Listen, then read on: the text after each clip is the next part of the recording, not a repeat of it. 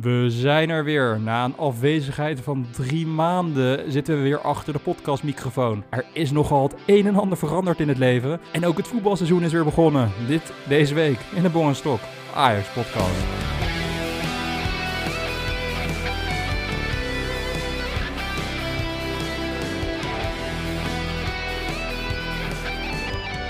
Stok, dat, eh, dat is een tijdje dat wij achter de podcastmicrofoon hebben gezeten. Welkom terug wil ik eigenlijk zeggen. Ja, welkom terug, Pong. Ja, het is even weer even wennen. hè? Ja, het podcastmateriaal terugvinden, hoe praat je in een microfoon. Het is alweer drie maanden geleden dat wij dit hebben gedaan. En ik denk dat we eigenlijk wel een uitleg verschuldigd zijn aan onze luisteraars... waarom het zo'n tijd heeft geduurd dat wij eh, weer een aflevering opnemen, Stok. Dus eh, wil jij dat eh eventjes uitleggen aan onze luisteraars? Ja, ik denk dat ik eh, een beetje boetekleed moet eh, aantrekken. Want eh, er is nog wel het een en ander gebeurd in, in mijn leven sinds, sinds onze laatste aflevering. Die was met, met mei. En een paar dagen na die aflevering, ja, toen heb ik een nieuwe baan gekregen. En ben ik weer terug verhuisd naar Amsterdam. Dus Bong, we, hebben, ja, we kunnen weer heerlijk straks gewoon samen Ajax kijken. Helemaal niks mis mee. Maar dat betekent wel dat ik de afgelopen paar maanden ontzettend druk was met verhuizen. En ja, toen wilden we een podcast opnemen. Maar toen eh, was er een verhuiswagen. Die waren een paar dozen vergeten. Of die kwamen maar niet aan. Dus ik heb een hele tijd geen microfoon gehad. Ja, ik vond dat wel een verhaal hoor. Kijk, ik ben ook wel eens eh, dingen kwijt, maar ik ben nog nooit eh, door een verhuisbedrijf eigenlijk mijn podcastmogelijkheden ontzegd. En dan ook niet voor een weekje, maar hoe lang duurde het voordat jouw spullen uit Ierland aankwamen? Een maand of zo? Ja, ze, ze zeiden ja, ja, in een weekje. Over een weekje zijn we in Amsterdam. Ik zei, ja, top, weet je, helemaal goed. En eh, toen waren wij in Amsterdam en toen, uh, toen bel ik ze op. Ik zeg, nou ja, goed, een week is voorbij. Eh, komen jullie nog? Ja, ja, ja, ja volgende week. Oké, nou, dan is het volgende week. Ik bel ze weer. Ik zeg, nou, wanneer kan ik jullie verwachten? Ja, volgende week. En dat ging een paar keer zo door. En voordat ik het wist, werd ik gebeld. en zeggen ze, ja, we staan voor de deur. ja, toen waren we ook pas net thuis. We hadden geen hulp kunnen regelen. Dus die man die begon met het uitpakken van die verhuiswagen een goede 85 dozen. Nou goed, je bent hier geweest, Bok. Ik woon op drie hoog en er is geen, uh, ja, er is geen lift, hè. Het is gewoon oud Amsterdams huis. Dus ik heb samen met mijn vriendin 85 van die dozen moeten sjouwen, drie verdiepingen omhoog.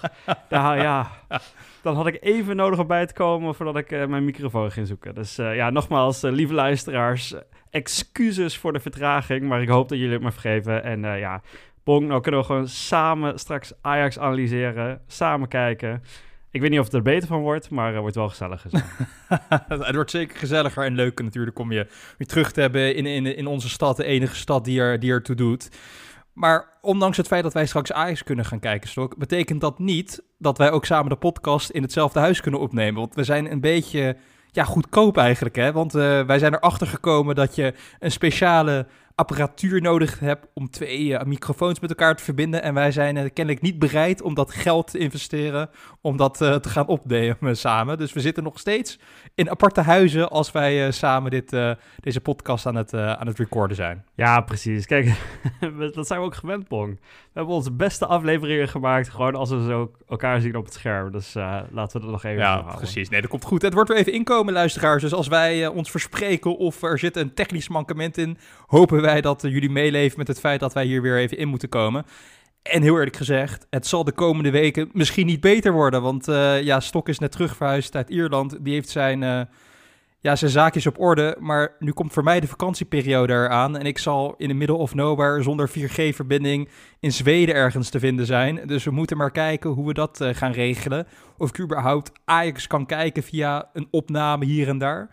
Dus we gaan ons best doen voor jullie, maar uh, ja, uh, no promises, uh, zoals ze dat zeggen. We zouden een keer gewoon zo'n wereldkaart op Instagram moeten zetten van alle plekken waar we ooit hebben gezeten waar de podcast opnemen, want dat zijn er nogal wat geweest. Hè? Ja, ja. Ik, ik bedoel, vorig jaar rond deze tijd, Bong, zaten wij gewoon in trainingskamp in Spanje. Toen hebben wij de eerste aflevering van het vorige seizoen hebben we gewoon samen opgenomen met één microfoon, heel knus.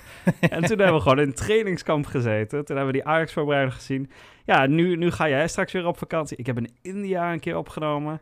Ja, dat is een, een internationale podcast geworden. Ja, ja nee, wij doen alles. Uh, eigenlijk doen wij gewoon alles voor onze luisteraars. Dus uh, nou ja, soms gaat het mis, maar uh, de moeite die wij erin steken, wij hopen dat die gewaardeerd wordt. Maar Stok, je bent nu al een, nou, een paar weken terug. Het is leuk om je in de stad te hebben, maar hoe is eigenlijk je, je zomer over het algemeen geweest? Ja, een beetje zoals voor iedereen. Het is gewoon helemaal in het water gevallen eigenlijk. Sinds ik hier ben gekomen heb ik eigenlijk het weer van Ierland meegenomen. En het regent alleen maar, dus daar heb je helemaal niks aan. Ondertussen gaat het natuurlijk nu wel mooi worden. Ik ben twee keer gevaccineerd. Dus ik ga binnenkort, kan ik al mijn bruiloften die allemaal in de planning stonden al voor de afgelopen 18 maanden, die gaan uh, allemaal gewoon plaatsvinden. Dus uh, ja, ik ga een drukke nazomer tegemoet. En uh, ja, vervolgens gaan wij nog even een paar dagjes naar, de, naar Frankrijk wat champagne proeven. Dus wat dat betreft, Bong, er zijn wel wat hoogtepunten deze zomer. Ondanks dat ja, het weer niet altijd Toelaat. Ja, en zonder voetbal, tenminste, ik vind Olympisch voetbal geen, geen echt voetbal. Ik vind dat niet meetellen als. Ik vind dat eigenlijk dat hoort niet op de spelen thuis. Maar goed, dat is mijn bescheiden mening.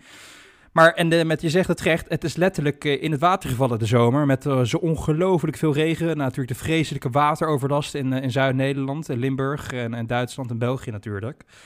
En eigenlijk, Stok, moet ik zeggen, de zomer is door mij, voor mij gered door de Olympische Spelen. Want wat was het een genot om de afgelopen weken al die uh, sporten die we eens in de vier jaar aanschouwen weer te zien. Weer expert te worden in het, uh, in het paardenspringen, het ruitersport, in het waterpolo, het handbal. Ik ben weer een kenner van alles en nog wat. Maar het, uh, ja, ik vind, dat, ik vind het geweldig stok die spelen. Het, het, hoeft voor mij ook niet elk jaar, maar eens in de vier jaar. Ik vind het, ik vind het geweldig met, met van die schitterende surprises.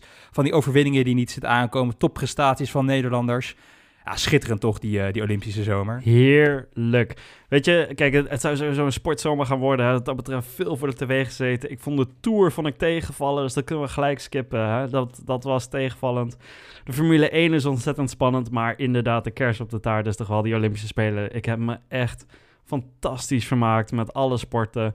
Uh, onlangs natuurlijk het baanwielrennen, maar daarvoor al het zeilen, de drama bij judo. Die Henk Grol die na 20 seconden gewoon zijn carrière voorbij is. En vervolgens nog twee keer tegen dezelfde gozer moet. Ik heb, ja, ik, ik heb van, eigenlijk van alles genoten. Ik heb zoveel mogelijk gekeken.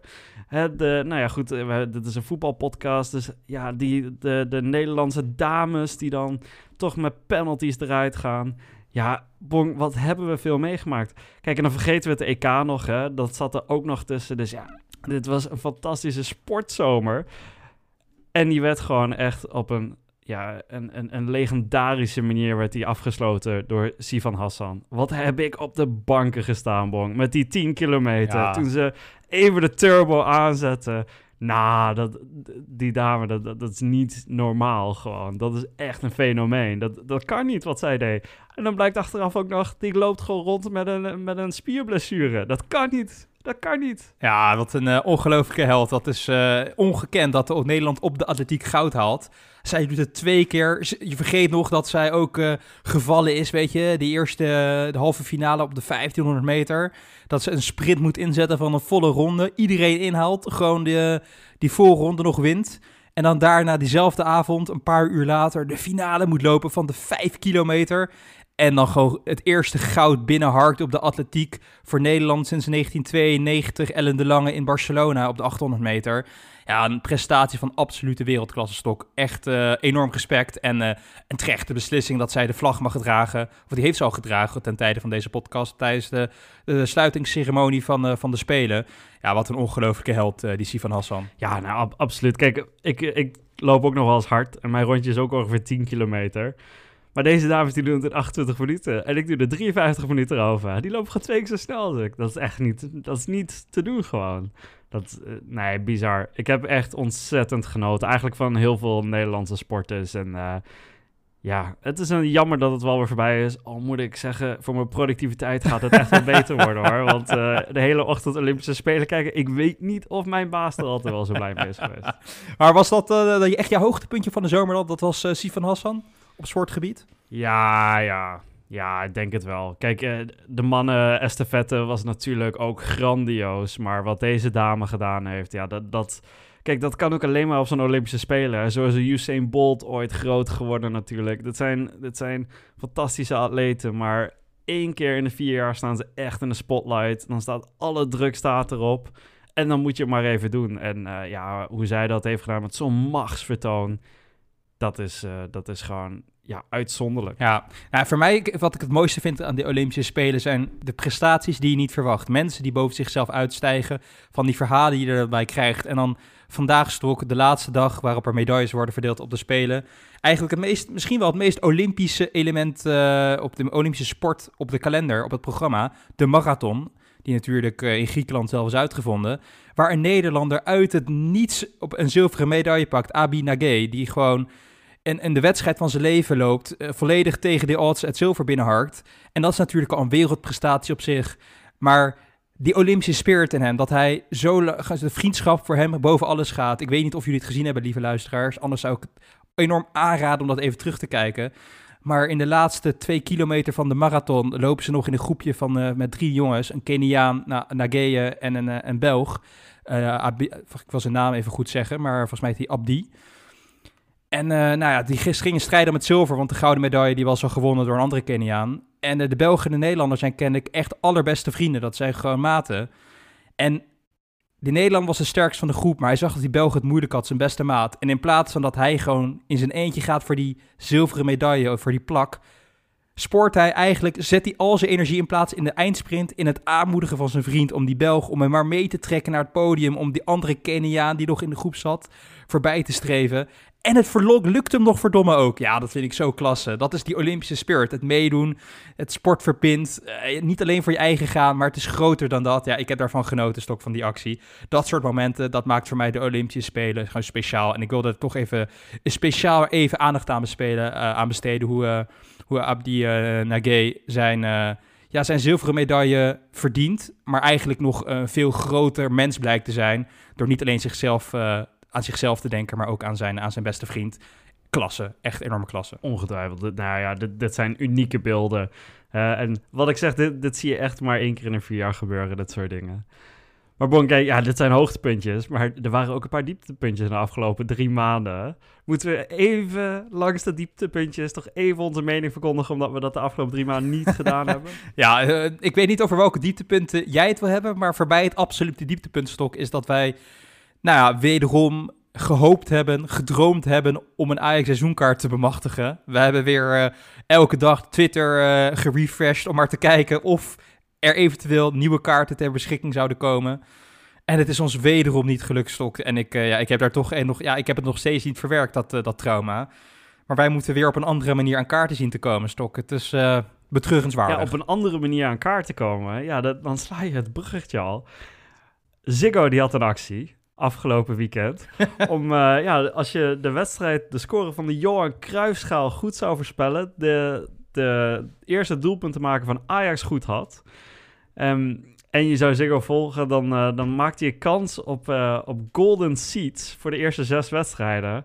Nou, toen hebben wij al onze vrienden, vriendinnen aangespoord om uh, voorspellingen te doen. We hebben zelf natuurlijk meegedaan, elkaar de hele tijd taggen op dat soort dingen.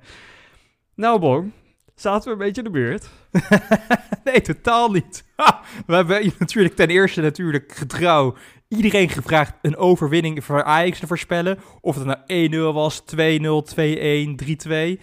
Met Klaas of Haller, Tadic die de eerste goal scoorde. Maar niemand op geen enkele manier had rekening gehouden met het feit dat Ajax misschien wel kon verliezen van PSV. En uh, ja, dat, uh, als dat scenario zich volstrekt, nou, dat... Uh, betekent voor ons niet alleen het feit dat wij nou, natuurlijk teleurgesteld zijn in het feit dat Ajax geen eerste prijs van het seizoen wint.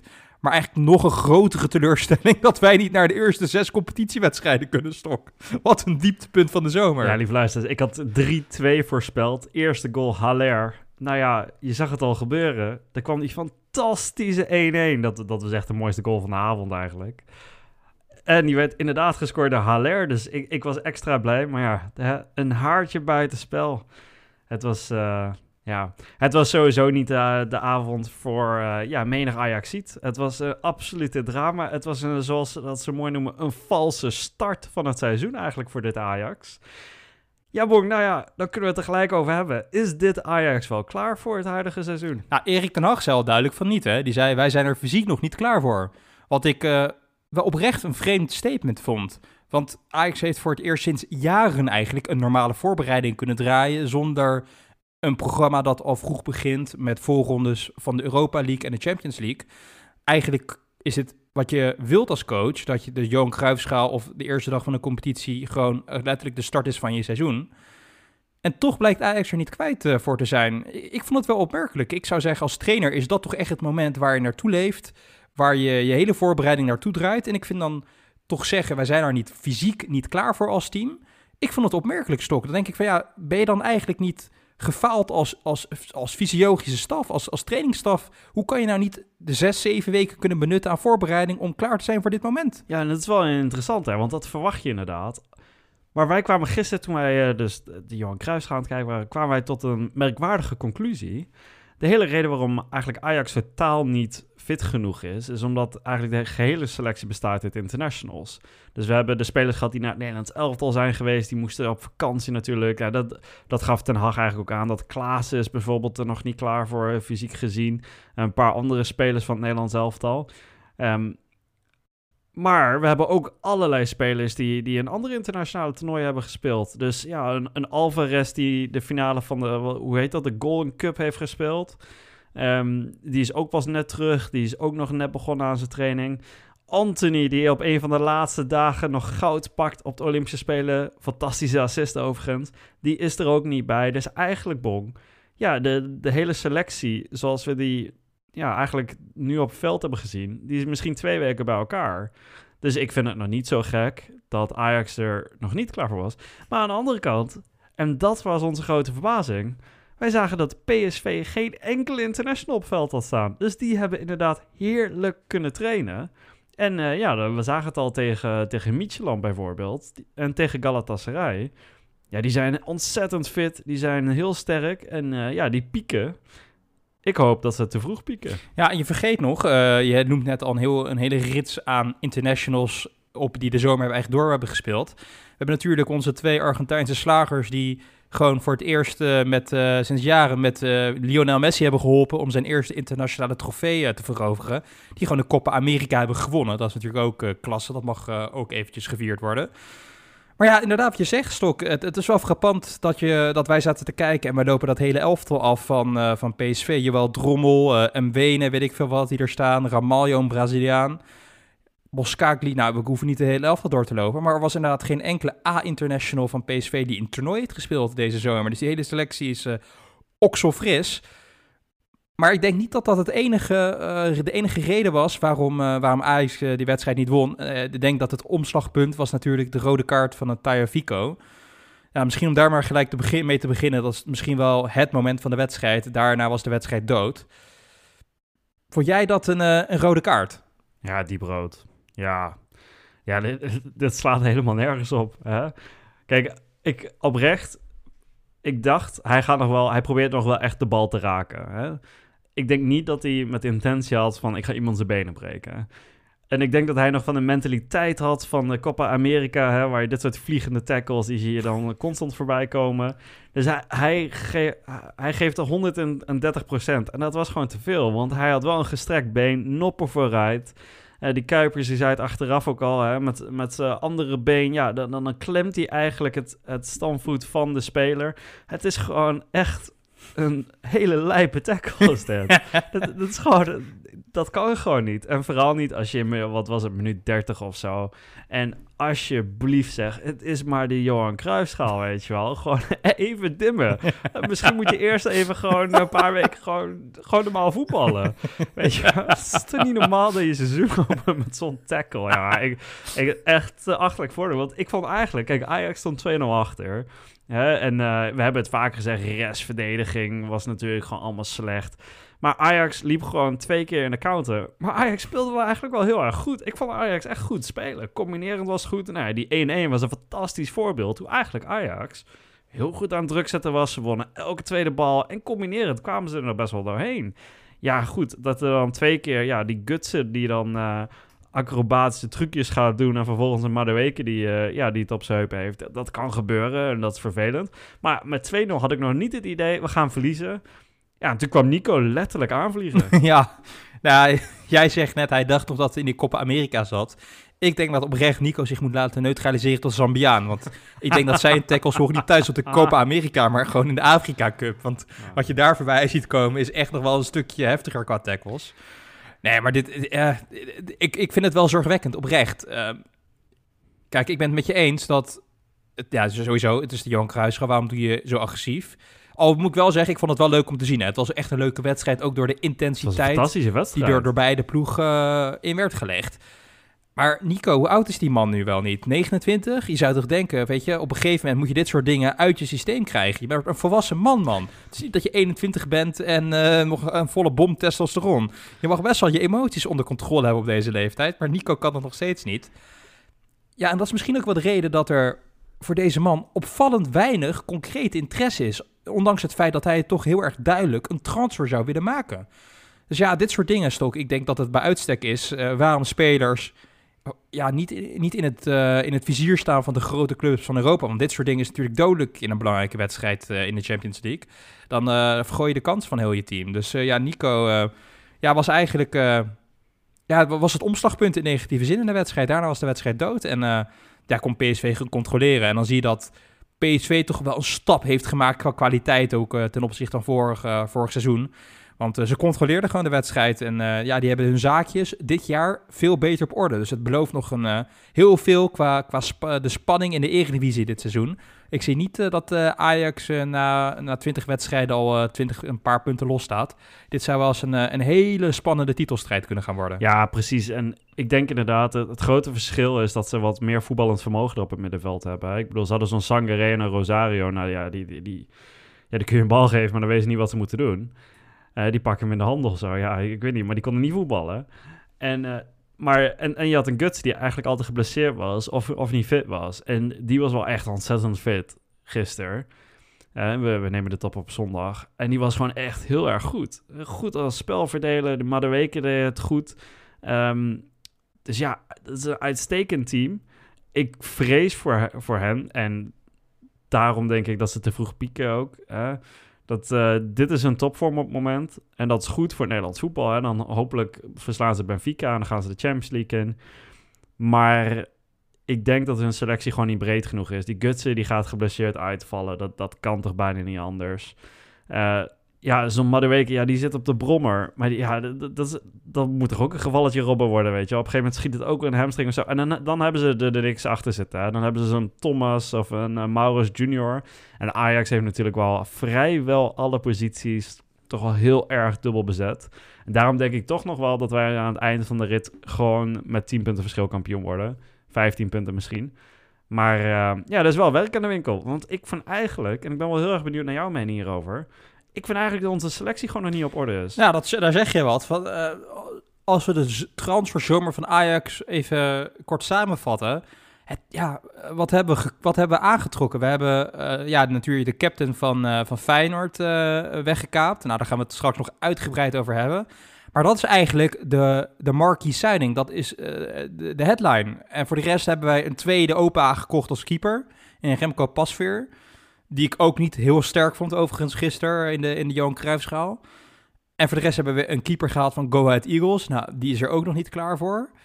En voor de rest, ja, uh, ik noem mij een, eh, een noemenswaardige transfer op stok. Ik kan er echt 1, 2, 3 niet één voor ogen halen. En Ajax zit toch wel in een fase waar ze moeten doorselecteren. Uh, ik denk dat er echt wel een paar zwaktes, als we het over de restverdediging hebben, die al een paar seizoenen duidelijk zijn. Ik vind niet dat de technische staf, waaronder natuurlijk Mark Overmars, daar nou echt heel proactief op hebben uh, voorgeselecteerd, op voorbereid. Dus voor mijn gevoel zijn de zwaktes die Ajax had, en dan noem ik nou vooral het, het keeperschilde en uh, verdedigend ingestelde spelers. Ja, ik zie niet dat ze dat hebben geadresseerd, Stok. Dus ik maak me oprecht wel zorgen dat, ja, als alles de, zeg maar, de goede kant op valt dit seizoen, zou het zomaar kunnen dat Ajax het heel lastig gaat krijgen in de titelstrijd. We hebben nog steeds meer kwaliteit dan PSV, dus ik ga ervan uit dat we kampioen worden. Maar ik denk dat er nog wel uh, tot hier tot het einde augustus, uh, tot het wanneer de transfermarkt nog open is, dat er nog. Uh, ik hoop dat Overmars nog druk bezig is met zaakwaarnemers bellen en de scout met de scouting aan het praten is, want er zijn nog wel wat gaten om op te vullen hoor. Ik vind vooral inderdaad de keeperschil, dat, dat, dat kan niet. dat kan niet. ik wil Kijk, voor een tweede keeper, dat, kan dat. Hè? Maart Stekelenburg heeft dat prima opgepikt afgelopen uh, seizoen. En, maar we zagen op het EK, deze man, hè, die, is wel over zijn piek heen. En dan vervolgens dan trek je, ja, inderdaad wat je zegt, gewoon nog een opa aan. En die kan er ook gewoon niet zo heel veel van. Dat is een aardige keeper voor een Vitesse. Maar deze gaat gewoon voor Ajax nul punten pakken. Misschien wel negatief punten pakken. Dat kan ook zomaar. Kijk, en die hele situatie met Onana, ja, daar heb ik een nare bijsmaak van overigens hoor. Onana, we hebben hem vaak bejubeld in deze podcast, maar die laat Ajax nu toch wel ontzettend hangen. Maar ja, Overmars, je weet dat hij weg wil. Dan moet je toch iemand halen die ja, talentvol is en dan ja, inderdaad die speler van Go Ahead. Maar die is er dan blijkbaar niet klaar voor. Ja, we moeten toch gewoon een keeper hebben die op Champions League niveau zit. En dan kom je toch niet aan mijn Remco Pasveer. Ja, nee, helemaal eens. Je noemt het heel goed. En waarom ik het eigenlijk best wel kwalijk vind, of kwalijk is misschien niet een goede woord, maar waarom ik het niet begrijp, is dat ze heel duidelijk hebben gezegd vorig jaar, dit is een overgangsjaar, dit is een tussenjaar. En eigenlijk zouden ze dit seizoen, het aankomende seizoen, moeten gaan oogsten. Het is heel duidelijk dat, ook al zeggen ze het is een wens en niet een doelstelling, dat ze willen en eigenlijk moeten overleven in de Champions League. Ze moeten gewoon die volgende ronde halen. En ik zie dat niet af aan het transferbeleid dat ze dat nou echt willen. Want uh, ze hebben niet echt doorgepakt. Het enige andere grote naam, als je het zo mag zeggen, die ze aan wilden kopen, was die uh, Sulemana van uh, Noord-Zeeland. Die hele transfersaga en is uiteindelijk naar Stade Ren gegaan, volgens mij. Dat heeft Overmars niet kunnen bewerkstelligen. En voor de rest is het toch wel angstwekkend stil rondom de transfermolen, de transfergeruchten rond, rond Ajax. En ik ja, ik hoop dat Overmars ergens mee bezig is. Want ik, ik, ik lees niks, ik hoor niks. En uh, ja, met deze selectie willen we misschien de Eredivisie wel. Maar met een keeper, ja, de steek. Wij adoreren hem met zijn Ajax-verleden man van de club. Maar die gaat geen punten pakken tegen Liverpool of tegen Bayern München. Dat zie ik niet voor me. Die, zijn sterkste kwaliteit is een bal uit de goal kijken en niet zelf de redding verrichten. Ja, dat, dat heb je toch in de Champions League. Schiet ze vaker op goal dan naast de goal. In tegenstelling tot de meeste Eredivisie-opponenten. Dus ja, goed. Uh, ja, Overmars heeft, heeft bewezen dat hij ons vertrouwen verdient. Dus we gaan het zien. We hebben nog uh, drie weken om de selectie te versterken. Maar in mijn ogen moet er wel echt nog wat gebeuren hoor. Want eh, met deze selectie zie ik niet in dat we onze kans hebben vergroot om in de Champions League te overleven. Want Steven Berghuis of Anthony, ja, dat, voor mij is dat om het even eerlijk gezegd. Ik vind dat geen grote upgrade. Nee, eens. Eens. En die, die Berghuis die moet het ook maar eens een keer laten zien op Champions League niveau. Daarom is hij natuurlijk ook bij de grootste club van Nederland terechtgekomen. Om, om dat eventueel te kunnen laten zien. Maar ja, dit, dat is ook geen garantie voor doelpunten in de Champions League. En wat je zegt, dit is zogenaamd het jaar om te gaan oogsten. Maar ja, als je toch kijkt op het veld, hoeveel, uh, ja, hoeveel marktwaarde zit er nou? We hebben geen uh, Frenkie de Jong, we hebben geen Matthijs de Licht. We hebben Tadis hier, die vrij oud is. Een Haller. Nou ja, goed. Uh, ik hoop dat hij op zijn Klaas Jans eigenlijk uh, de 30 intikt. En dan, ja, dan hebben we een, een Berghuis. Die, die is toch ook, wat is die, 29 of 30 of zo? De enige groot talent die we hebben rondlopen, misschien twee, Gravenberg en, en Timber. Maar ja, ja ik, ik weet het niet hoor. Ik, ik vind, ja, ik mis wat in deze selectie, Wong. Ik, ik mis er echt wat. En dan zie ik Nico zo aankomen vliegen. En dan denk ik, ja, daar missen we toch ook wel wat. Want een range op linksback, ja, dat moeten we toch eigenlijk ook niet willen. Dus ik, ja, ik, ik weet niet. Ik hoop inderdaad dat Overmars gewoon aan de slag gaat. Ik heb gehoord dat er een kleine Argentijn eventueel uh, transfervrij is. Nou ja, hè? misschien ook maar een belletje wagen naar Barcelona. ik, uh, ja, ik, ik, weet het niet. Ja, wat een verhaal. Dat, uh, nou, kunnen we er even kort bij stilstaan. Ik wil het toch even over hebben over nou, hoe graag ik Messi ook in een Ajax-shirt zou staan. Kijk, wij klagen wel eens over het, het beleid bij Ajax, over de eredivisie en het feit dat de clubs geen been liggen oprichten. Maar wat er in bij Barcelona gebeurd is en bij La Liga, dat is nog het grootste wanbeleid van de afgelopen 20 jaar. Dat je zo je financiële huishouding in, in de war kan brengen, dat je je allerbeste speler niet kan betalen, maar Lionel Messi, of sorry, uh, Memphis Depay en Samuel Umtiti samen wel 20 miljoen kan betalen netto. Dat is toch niet te doen? Dan heb je toch heel slecht je afgelopen paar jaar je financiële huishouden, huishouden op orde gebracht. Dat is te gek voor woorden. Ja, weet je, ik zou daar als fan dan, dan, dan eis je toch dat iedereen daar opstapt. ik weet dat die Laporte, die zit daar net, maar die heeft natuurlijk ook gewoon uh, schuld hieraan. Die heeft die situatie gezien vanaf januari. Die wist dat dit contract, dat dat toch gewoon prioriteit nummer één was. Dan heeft hij, zijn verkiezingenprogramma was eigenlijk alleen maar dat. Hè. Messi blijft onder mij. En dan vervolgens heeft hij allemaal spelers gehaald, transfervrij. Hè? Uh, Aguero heeft hij gehaald. Memphis, ja, fantastische spelers, maar die heeft er wel uh, voorrang gegeven op het verlengen van het contract van Messi. En nu ja, hebben ze geen geld meer. Ja, dat, dat is gewoon wanbeleid. En weet je, um, is toch tragisch om te zien, man. Zo'n groot speler. Misschien wel een van de betere spelers ooit, hè? En die krijgt dan geen afscheid in een vol Barcelona eh, of in een vol Camp Nou. Die kan niet zijn eigen afscheid kiezen. Die wordt eigenlijk ja, soort van door de achterdeur wordt die, uh, wordt, wordt die weggestuurd. En dan zie je hem daar na 21 jaar in tranen zo'n persconferentie geven. Ja, weet je, dat verdient die man gewoon echt niet. Dit is wanbeleid met een hoofdletter W. Dit, dit kan gewoon echt niet. Nee, het, is zonde om te zien. Inderdaad, uh, misschien na Johan Cruijff de allerbeste voetballer aller tijden. Dus uh, ja, het, het, het, is gewoon triest om te zien. En dan als je daar tegenover stelt dat Mark Overmars toch Lassina Traoré mijn boy. Ik heb toch een traantje gelaten. Hij is weg, vertrokken naar Shakhtar Donetsk. Maar ja, Mark Overmars krijg je dan toch voor elkaar om 10 miljoen binnen te harken voor zo'n dude. Ja, dat, stel dat is in een contrast met het beleid hebben dat er bij Barcelona wordt gevoerd. Ja, dan kan je heel veel dingen zeggen. Maar dan heeft Mark relatief zijn zaak is altijd wel op orde hoor. Zeker, zeker. Je zou Koeman toch maar zijn, hè? Man, man, man. En dan, zegt, hij, eh, zegt hij Laporte... Ja, ik heb met Koeman gesproken en uh, die dealt er heel goed mee. Ja, die, die denkt nog steeds dat hij alles kan winnen dit seizoen. Ja, dat geloof ik. Die Koeman die heeft wel even, even gevloekt, denk ik, hoor. Ja, nou ik mag nu met Memphis. Ja, misschien voor de luisteraars. Wij hebben uh, een vriend van ons is een religieus Barcelona-fan. En uh, nou, we hebben tegen hem, uh, die, die is echt depressief over het feit dat uh, Messi volgend jaar niet meer in het, in het Blaugrana-shirt te bewonderen is. Ja, en wij hebben een paar hoogtepunten. We hebben het EK ook met hem gekeken. En waar Memphis Depay natuurlijk een wanprestatie leverde. En van ja, vriend, hier mag je straks naar gaan kijken in plaats van Messi. Naar onze vriend Memphis dit uh, succes. die, die gaat een heel zwart seizoen tegemoet hoor. Oh. Nou, dat is ook zo. Dat is ook... Maar laten we weer terug gaan naar Ajax, Bong. Want ik wil toch nog wel heel even over die wedstrijd hebben. Hè? Um, ik vond dus dat Ajax ontzettend goed speelde eigenlijk, ondanks de 2-0.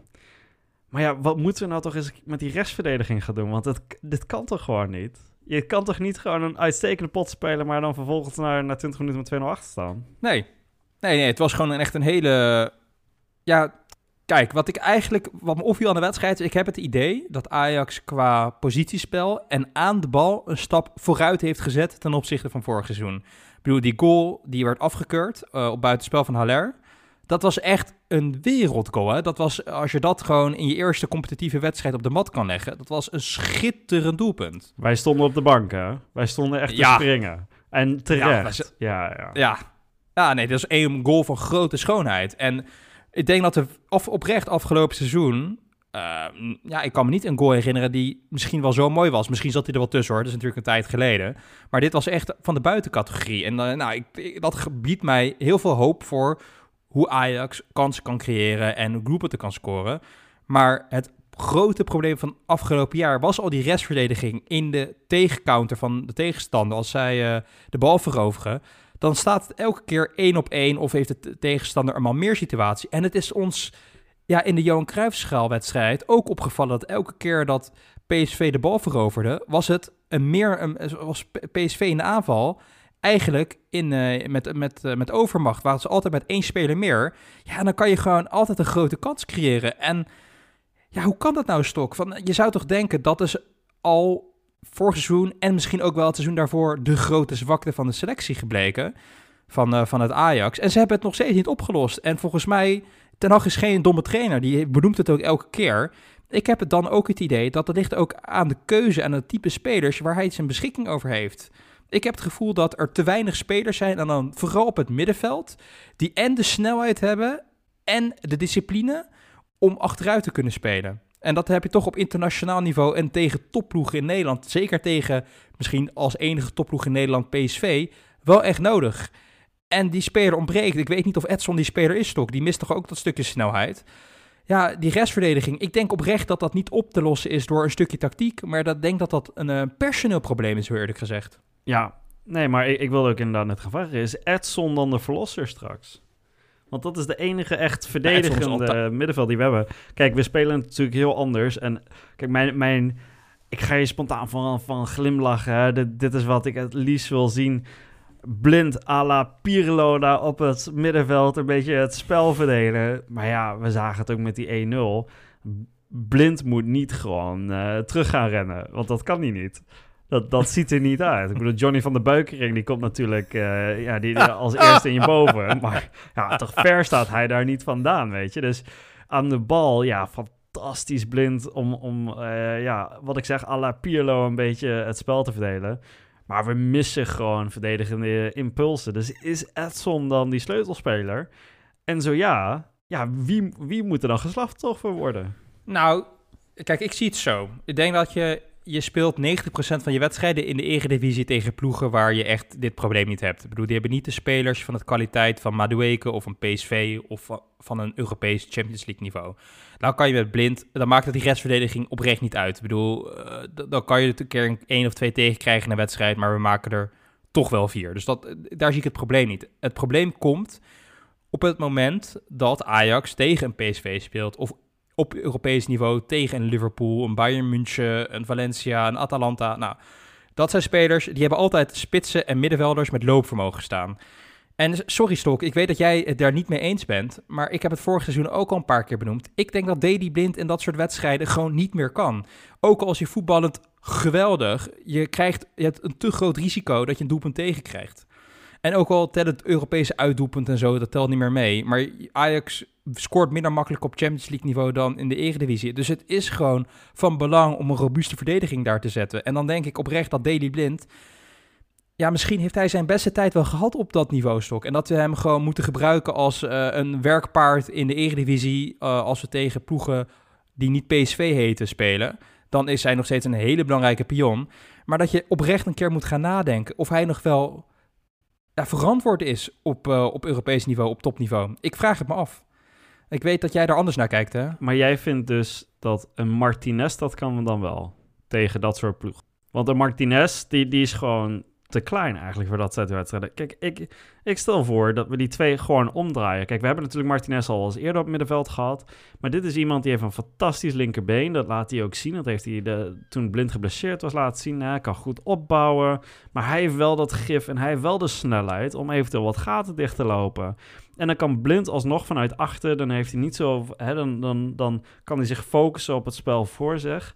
Ik denk dat dat beter staat dan Martinez daar achterin houden. Ja, maar stel, stel kan je... Oké, voorbeeld. Zapata van Atalanta. Die reus die er twee in knal. Die schoot bijna door het net heen. Kan je die nog herinneren? Ja, ja.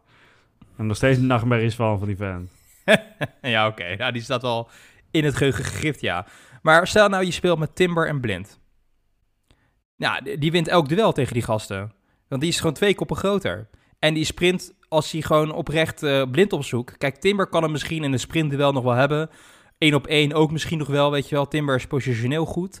Maar hij kan gewoon besluiten, ik ga op blind spelen. Wat, dan kunnen ze niet heel veel doen. Hij kan gewoon blind opzoeken. Ja, maar eh, ja, dus zet Europees... tegen Martinez. Die Martinez die springt en uh, dan komt hij nog steeds niet boven mij uit, weet je wel. Nee, maar dat, probeer, dat... dat, probeer ik te zeggen. je, we missen een, echt een speler een beetje op verdediging. Dat kan een centrale verdediger zijn of een verdedigende middenvelder die dat wel kan. Met dynamiek, met lengte. En die een beetje beter kan voetballen dan Edson. Kijk, dat missen we gewoon. En dan vooral voor mij aan die linkerkant. Want ja, ik heb één verdediger in mijn gedachten. Of, uh, die eventueel wel voldoet aan die eisen die jij stelt. Iemand die een goede inspeelpas heeft. Die, die wat groter is, wat steviger. Ja, per schuurs. Oh nee, ik dacht dat je Davidson Sanchez ging zeggen. nee, oh nee, oh nee. oh, dat zou wel een goede aankoop zijn. Hè? Ja, dan mag Martinez gelijk banken en uh, Sanchez bij, ja, terug. Dat, dat is fantastisch. Nee, ik zat te zeggen, per schuurs hebben we natuurlijk op de bank zitten. Speelt een goede voorbereiding. Maar deze jongen die heeft ons zo vaak teleurgesteld elk seizoen weer in een voorbereiding aflevering zoals deze zeggen we... nou, dit is het seizoen van Per Schuurs. Nu moet hij het laten zien. En vaak in wedstrijd 1 laat hij al zien dat hij er niet klaar voor is. Dus ja, ja we moeten dan toch maar Sanchez gaan halen. Ja, tuurlijk. Als we Sanchez kunnen halen, moeten we altijd Davison terughalen. Nou het, hij draaide kennelijk een hele goede voorbereiding, hè, Per Schuurs. Maar het was wel een teken aan de wand dat toen Timber erin kwam... hij gelijk de aanvoerdersband kreeg bedoel, Timber staat gewoon hoger in de hiërarchie dan Per Schuurs.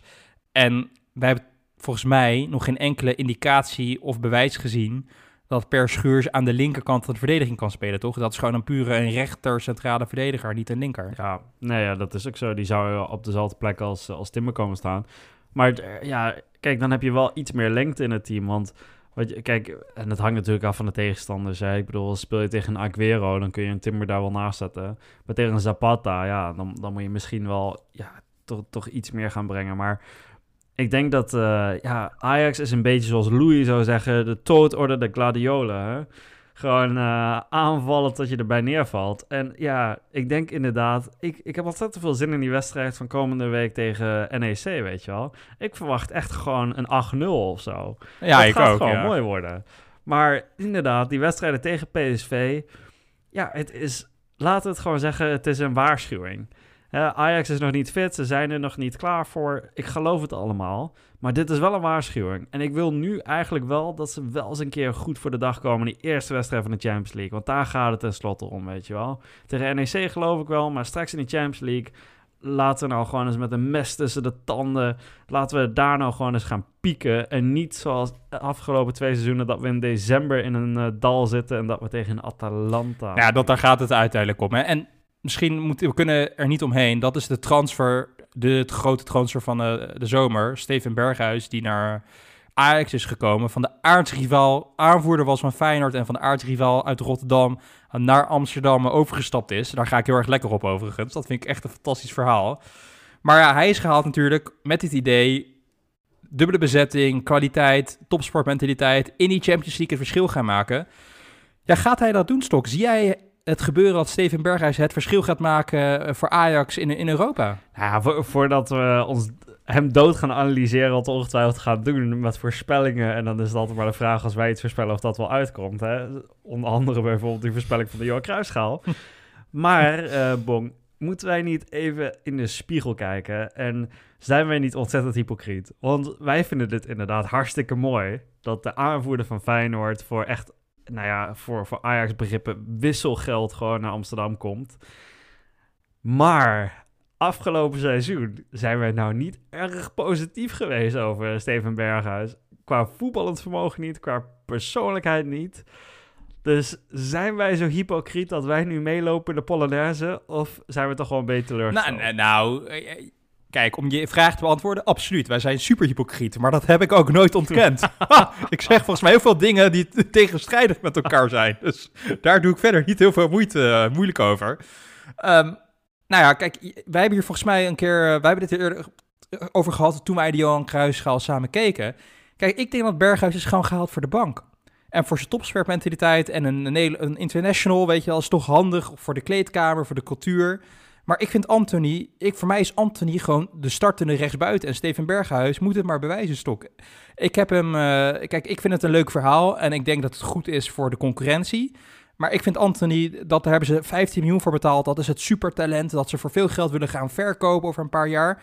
Ja, die gaan ze ook niet op de bank zetten, Stok. Dus ik, ja, ik moet er nog maar zien of Steven Berghuis een basisspeler wordt voor Ajax. Dus ik vind het uh, voor dit geld, voor dit wisselgeld, vind ik het een enorm mooie vernedering voor uh, de Rotterdamse rivalen. En ik vind het uh, ja, een, een, leuke bankspeler voor Ajax. Maar ik vind het ja, ik vind het op, oprecht geen basisspeler voor de Amsterdammers. Ja, nou goed. Kijk, wij hebben hem de afgelopen jaren best wel voor wat uitgemaakt. En niet de minste, wij, vinden, wij vonden hem bij Feyenoord een echte kwal.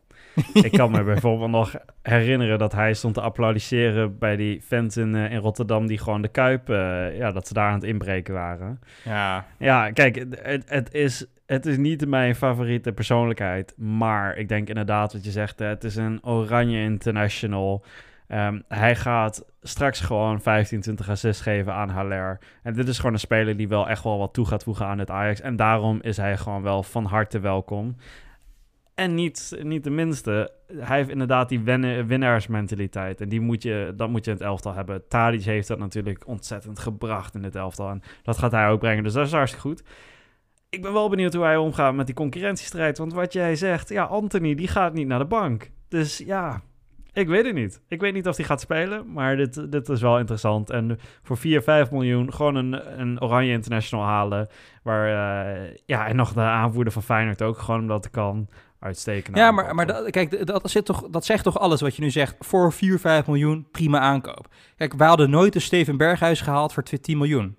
En dat komt omdat hij gewoon die kwaliteit niet heeft. En dat zegt toch genoeg? Dat zegt toch genoeg? Dat zegt alles. Ja, ja ik, ik bedoel, ik kan me nog herinneren dat we een Marine gekocht hebben voor 12 miljoen. En die hebben we daarna ook gewoon uh, na drie wedstrijden nooit meer gezien. Dus ja, wat dat betreft, het is echt wisselgeld voor, voor Ajax begrippen. En uh, ja, dan, dan is het uitstekend. Dan is het gewoon een uitstekende nou, aankoop. Kijk, daar ben ik het niet helemaal mee eens. Kijk, ik vind het een uitstekende aankoop op het moment dat we echt David Neres verkopen. Want ik vind het wel een beetje onverantwoord om drie grootverdieners aan die rechterkant op voor dezelfde positie te hebben staan. Want ik denk dat, uh, ja, heel veel, volgens mij is Ajax er wel over uit dat Neres, die hebben ze liever niet op linksbuiten. Al ben ik nog steeds fan van Neres op linksbuiten, maar daar ziet Ten Hag hem volgens mij gewoon niet spelen. Ja, dan heb je drie uh, miljoen eh, verdienen. Die, zijn, die druk op het salarishuis. Ja, dan drie van hetzelfde type spelers. Dat, dat vind ik niet verantwoord. Dus ik vind het een goede transfer. Ervan uitgaande dat Neres nog weggaat. Maar ja, wie gaat Neres nou kopen? Want ja, die raakt echt geen deuk in een pakje boter namelijk. Die kan, ja, dat is wel bijna alsof hij het voetbal een beetje verleerd is, toch? Die, heeft, die is eigenlijk nooit meer op een niveau geweest van voor zijn blessure. En ik moet zeggen, afgelopen seizoen hè, die, die zes maanden dat hij daar speelde en dat hij uh, altijd in de 60 minuut of zo erin kwam, heeft hij mij niet kunnen bekoren. En ja, nu ook weer gewoon niet hoor.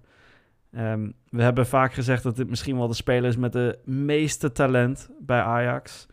Meeste potentie wellicht, maar ik moet zeggen, Misschien zaten we daar wel foutbong. Misschien heeft hij gewoon gepiekt en hadden we hem gewoon moeten verkopen destijds. Nou, het kan wat je zegt. Hij, is, hij heeft natuurlijk best wel een serieuze slepende blessure gehad. Ja, en dat gunnen we natuurlijk niemand, maar het, het, het bestaat gewoon dat er, het, ja, er komt heel vaak voor dat een speler na een blessure nooit meer hetzelfde is. En het zou zomaar kunnen dat wij gewoon een, ja, een structureel een andere, een mindere Neres zien. Ja, dat, dat, helaas gebeurt dat eens in de zoveel tijd. En ja, het zou maar kunnen dat dat, uh, ja, dat het nu het geval is. Dan is er nog één uitgaande transfer, daar hebben we veel over gehad. Brian Brobby, die Ajax na zoveel jaar heeft laten. En eigenlijk, Bong, hebben we ja, niet zoveel daarvoor teruggekregen. Dus is dat nog de laatste positie waar we het over moeten hebben? Is dat nog de positie waar we eventueel backup moeten hebben? Of ga jij gewoon vol voor Danilo? Ik ga voor Danilo. Ik bedoel, een spits in Europa stok, dat, dat, waar ga je dat vandaan halen? Uh, aanvallers en vooral spitsen, dat, dat, is goud in Europa op de transfermarkt. Kijk wat we hebben moeten neerleggen voor een Haller. Ja, wijs mij één speler aan met potentie die, die je voor een redelijk bedrag ergens weg kan halen. Zo'n Danilo heeft het vorig jaar een half jaar in de Eredivisie laten zien. De tweede seizoenshelft was hij minder ja, geef deze jongen een kans. We hebben gezien dat hij prima kan voetballen. Ook wedstrijden tegen Ajax, laten we dat niet vergeten. Toen hij met Twente tegen Ajax speelde, legde hij een behoorlijk niveau op de mat.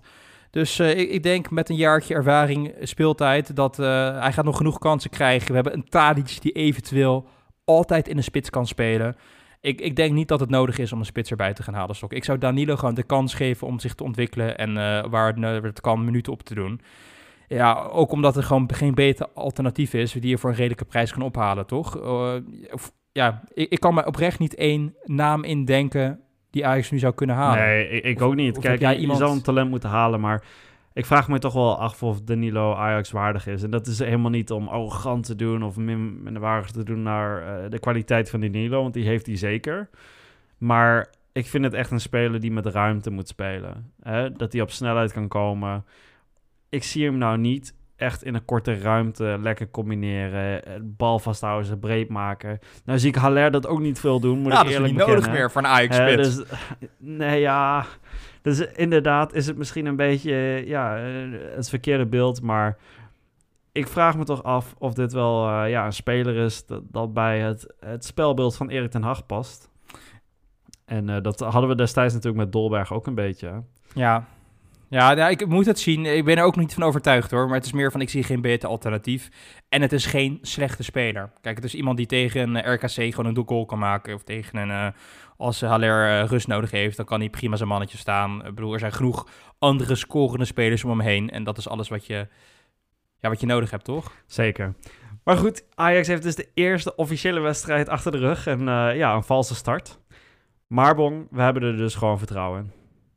Twee vingers in de neus. Kampioen.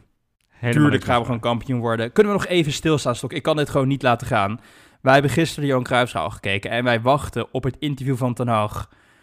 En kunnen we eens... Even, Is dat nou nodig? Al die afscheid, het afscheid nemen van insignificante figuren in het voetbal.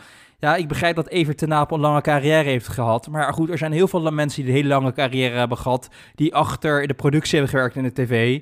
Of uh, wie hebben zien praten. Daar wordt toch ook niet een, uh, een, een, een, feest, een zelfverheerlijking feest van een half uur aangegeven aan een Evert Napel, aan een Björn Kuipers. Dat is toch gewoon niet nodig? Wat is dat? Als ze het andersom hadden gedaan, de volgorde, dan was dat beter geweest. Maar inderdaad, ik zit een uur lang te wachten om Van ten Hag te horen. En dan krijg ik twee minuten met, ja, we zijn niet fit. En uh, de rode kaart, ja, dat was het einde van de wedstrijd. En toen was het interview voorbij. Nee, dat, dat, ik kon daar inderdaad heel slecht mee omgaan. Doe het inderdaad andersom. Eerst, eerst over voetbal praten. Ten slotte is dat toch waarom we kijken en niet voor Everton Napel. En uh, ja, dan als ze daarna nog bloemen willen uitdelen en mensen willen daar naar kijken, ja, van mij mogen zij. Maar dit, uh, ja, dit, dit, had van mij niet goed voor. Het enige hoogtepunt dat erin zat, is uh, het feit dat die Italiaanse scheidsrechter met zijn doodskop, Colina, volgens mij Pierre Luigi Colina heet hij volgens mij, iets in die richting. Ja, die kwam opeens op het... Wat een legende. Ja, maar jezus, ja. ja, dat was het enige moment dat ik dacht van, nou, dat is leuk om die man te zien, want die, die jaagde mij vroeger echt doodsangst aan met dat hoofd van hem. Maar voor de rest, ja. Maar die Colina Boy, daar zijn wij gewoon mee opgegroeid. Hè? Toen wij vroeger als kleine kinderen naar de Champions League keken, een kwartfinale, halffinale, finale, en dan stond die vent daar. En dan kwamen die spelers, die kwamen klagen en dan, ja, echt als blikken konden doden. Dat echt, ja, dan moeten we weer eens terugkijken op YouTube. Dat is toch fantastisch. Zo'n Materazzi die rent daar naartoe en hij heeft een blik, jongen. Ja, dat, dat, dat is ongelooflijk. Dus heerlijk om inderdaad te zien. Het is natuurlijk wel een beetje vervelend dat zo'n goede scheidsrechter dan vervolgens in de bureaucratie van de ja. UEFA zich bezig gaat houden met dingen. Hè. En uh, ja, wat dat betreft is hij gewoon een politicus geworden. Als ik zie wat, ja, dat verhaaltje naar Björn Kuipers had voor mij ook niet goed voor. Jij hebt voetbal veranderd, dat soort dingen. nou ja, kom, want het was een uitstekende scheidsrechter. Hè? Mooi dat hij het EK-finale heeft mogen fluiten, maar laten we nou ook weer niet overdrijven. Nee, van, hoe kan een scheidsrechter het voetbal veranderen? Behalve het feit dat hij een buitenspelgoal goedkeurt. Ja, niet. Hou op. Hoe kan, scheidsrechter kan per definitie het voetbal niet veranderen. Maar goed, uh, nou, buiten die frustratie. Het seizoen uh, is officieel... Ja, uh, begonnen met de Johan Cruijffschaal. Helaas niet het eerste prijs uh, van een seizoen. We moeten het gaan doen waarschijnlijk met de landstitel en de, en de beker. Maar we hebben nog steeds er vertrouwen in, uh, volgens mij als ik het een beetje samenvat. Maar ja, er is nog wel werk aan de winkel, voor, vooral voor Overmars, om ook in de Champions League een goed figuur te slaan. Hè? Absoluut. Nou, lieve luisteraars, dit was hem weer voor ja, de eerste aflevering sinds maanden voor de Bongenstok Ajax podcast. En volgens mij, Stok, gaan we wel best, ons best doen om het nu weer wat regulierder op te pakken. Als de internetconnectie in, uh, in Zweden het, uh, het toe gaat laten.